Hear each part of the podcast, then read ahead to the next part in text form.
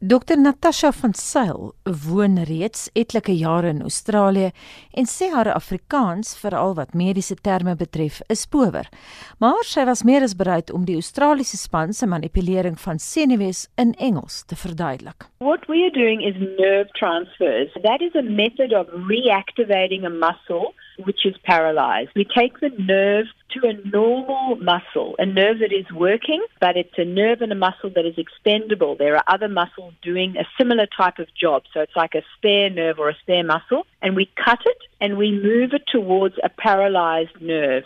And then we cut the paralyzed nerve and join the normal nerve to the paralyzed nerve under the microscope with very tiny sutures. And then the nerve fibers within the normal nerve actually grow down the paralyzed nerve, almost like they're growing down through a scaffold, and they contact the paralyzed muscle and they reactivate that muscle. Maar hoe lank vat so 'n proses? It depends what the distance is between where you join the nerves together and where the muscle is. So generally nerves grow when they're repairing themselves at one millimeter a day with a 30 day delay. So for a, a common nerve transfer that we would do, it would take about three to four months for the first flicker of movement to be seen in the muscle that has been reactivated using a nerve transfer. Die nuuswaardigheid van die oordrag van senuwees is die feit dat die Australiese chirurge die tegniek 'n hele sprong verder gevoer het. The work that we're doing in Australia is applying nerve transfers to people with spinal cord injury, so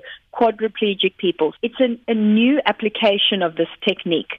We have been working doing this work since about 2012 And prior to that, there were only, you know, a handful of single nerve transfers or case reports done in spinal cord injury. And what we did is design a series of nerve transfers that could all be done simultaneously to try and restore a whole lot of different functions in the upper limb, usually straightening the elbow, opening the hand, and closing the hand all in one go to try and restore function for somebody with quadriplegia. Helaas is die verfyning van die senuweeoordrag nog nie 'n kuur vir verlamming nie, maar die toekoms mag heel party nuwe mediese intervensies meebring gegee wat tot nou toe vermag is. I would like to see us combining all of the tools that we have together to try and really get somebody's upper limb working as well as we can. And that would include nerve transfers, another type of surgery called tendon transfers, and maybe